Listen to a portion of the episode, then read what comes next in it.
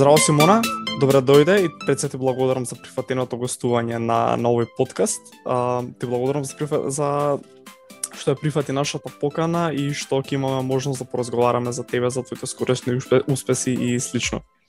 Здраво и на вас и ви благодарам за оваа покана. А, кажи ми, неодамна се прослави македонската спортска јавност со освоеното седмо место на Европското првенство и можност да учествуваш на квалификациониот турнир за предстојните Олимписки игри во карате. А, турнирот се одржа во Париз, доека пак Европското првенство се одржа во Пореч. Кажи ми нешто повеќе околу овие твои скорешни успеси, како помина во Париз, што се случуваше, како течеа подготовките? Да, Да, така е. Настапив и на Европското и на квалификациониот турнир. А, ова беа први надпревари нели после корона пандемијата. А, секако а, јас нели нормално мојата спортска кариера имам освојувано европски и светски медали, тоа на повеќе наврати и тоа на првенство кој ги организираше Европската и Светската карате федерација. А, сакав а, ново европско првенство да го повторам мојот успех. А, но ете, а, некад да изгубив пред а, полуфиналето. Не успеав да се пласирам, а, бидејќи ете заради некои судиски одлуки немав таа среќа, но а, после нели една година пауза срекме сум и со овој пласман од седмо место. А, потоа, а, бидејќи нели собиравме поени од ова европско првенство, а, бев а, пласирана, значи прв пат ова е во историјата на македонското карате, се одржува квалификационен турнир а, кој е за Олимпијада. А, но исто така а, и последен за жал, бидејќи каратето само оваа година е на е, нели на Олимпијада потоа ќе биде исклучен од не знам поради кои причини, но нема да биде веќе олимписки спорт. И честа беше голема да се земе да се земе учество на ваков турнир, бидејќи учествува, да не кажам, најдобрите 50 спортистки. Значи, да, беше кругот беше птен мал. И е, на ова првенство беше стварно тешко да се а, да се постигне тоа што нели, тоа што го посакувавме бидејќи конкуренцијата беше стварно голема. А, но дадов се од себе. Не не искочи како што јас планирав да излезе, меѓутоа нели искуство плюс како викаат. Се искуство. Токму така. Да, некои да. несрекни околности те доведа до тоа да не успеш да го повториш успехот, меѓутоа сепак ова како што спомена ти е можеби најголемото досигнување за еден македонски каратист што го направил самото учество на квалификациониот турнир, па надежно можеби ќе успеш да го подобриш тој успех во наредниот да. период. Так. Сега како што веќе спомна, ова не е твојот прв поголем турнир, имаш учествувано на повеќе меѓународни надпревари, која е твојата професионална колкава е твојата професионална кариера во овој спорт и на кои се турнири досега имаш представувано на нашата земја, па дури на некои поголеми успеси од можеби овој сегашниот? Да, а, па вака, јас, мојата љубов кон каратето се роди од 6 годишна возраст, значи веќе 20 години сум во ова. Ептен професионално. А, секако имам а, земено европски медал како помала јуниорка а, исто така балкански медали, интернационални турнири, премиер лиги потоа. А, се тоа а, се нели големи медали за еден спортист. А, секако овој спорт, како да кажам, бара а, посветеност и откажување од многу работи. А, и а, успесите, нели, кога ќе се посветиш, доаѓаат кога се вежба со многу ентузијазам и, и љубов кон спортот.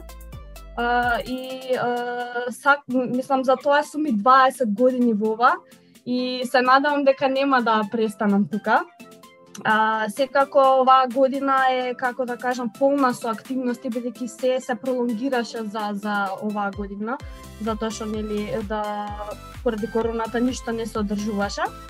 А, сега како во оваа година исто така поголемо поголемо првенство за кое што еве ќе дадам акцент највеќе е светското првенство кое ќе се одржи на есен, тоа е октомври. И се надевам дека еве за да заокружам мојата кариера ќе ќе се закитам со еден светски медал. Искрено се надевам дека ќе за некоја година можеби ќе успеам да ти го честитам тој а, тој медал. А, настрана репрезентативната од репрезентативната кариера на клубско ниво си дел моментално од карата клубот Мак Петрол, ако не се лажам. Така? Да. Тоа е да. мојот матичен клуб, Мак Петрол, да. Таму ја започна. Веќе репрезентативка, значи многу долго време.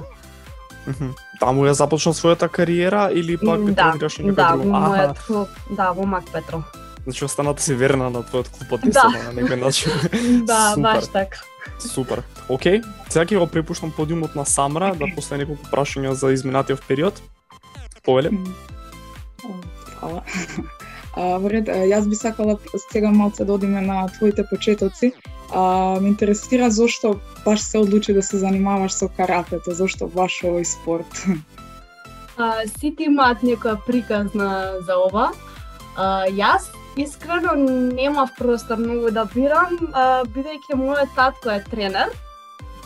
А, како ќе речат, беше принудена ти А, но, еве, да јас кога бев мала цело време одев со него на тренинзи и да, едноставно така пробав, така почнав, ми се засвиѓа, мислам многу е тешко а, да останеш, да, да го издржиш, како да речам, бидејќи, еве, вака карате, кога ќе почнеме како мали, нели, деца сака да трчаат, да прават други работи, многу монотон спорт.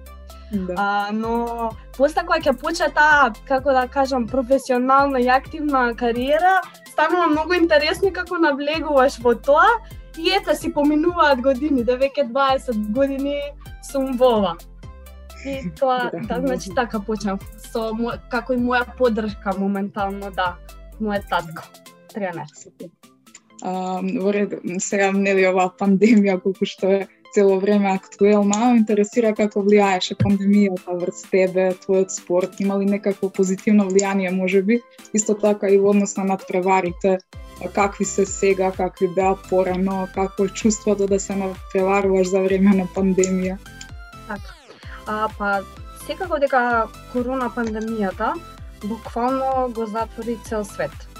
Па логично нели да влијае негативно и врз нас, професионалните спортисти а, како да кажам, еден долг мако трпен на период беше ставен во, во мирување. Буквално ни еден надпревар не се одржуваше, нели немавме услови ни никакви ни за тренинг. Е сега ние а, например дома онлайн нешто ако повежбаме, значи е тен како вика да не се улежиме, меѓутоа за надпреварите а, па секако придонесе нели за мал пат на нашата спортска форма. Но како да кажам, ете кога се намалија малку рестриктивните мерки, почнавме одма со тренинзи, почнавме физички, секако имаме и физички подготовки пред секој натпревар, значи со кондиционен тренер. Полека, полека влеговме да, во тој тренажен процес и еве натпреварите конечно почна да се одржуваат, меѓутоа ета со мали рестрикции, а, без публика, за жал. Мислам, не е тоа, тоа нема некоја атмосфера во салата, меѓутоа, ета, ние се концентрираме на борбата, нели тие носење на маски, а, индивидуално секој во сала за загревање, малци има поголеми рестрикции, но ета се навикнавме и се надевам дека што побрзо ќе ќе помина ова лудило.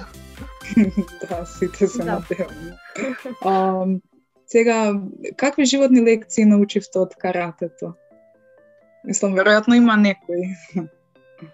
па да, каратето ве прави, како да кажам, поистрани, како и секој спорт, нели? А, а, го воздигнува духот, те прави посигурен, те прави една силна и да кажам истрајна личност во се и во животот, нели на секое поле. Um, сега би сакала ако можете некоја порака да упатите до младите, не само каратисти, него воопшто сите спортисти почетници. Да, па секако секако е убаво да се занимаваат младите со со спорт, а, бидејќи а, само како да кажам многу а, те, те, воздиг, те воздигнува како човек, а, едноставно влие позитивно на еден човек спортот и а, секако е убаво да да започне да тренира секој. Да спортува. Фала ти многу Симона. За крајот на оваа емисија подготвивме еден по-неформален дел, каде што подготвивме неколку кратки прашања кај кое што има само едно правило, одговори ги веднаш, спротно што ќе ти дојде на памет без многу да размислуваш. Може? Е, да, може. Може. Океј. Најчест оброк пред тренинг. А, протеинско смуч.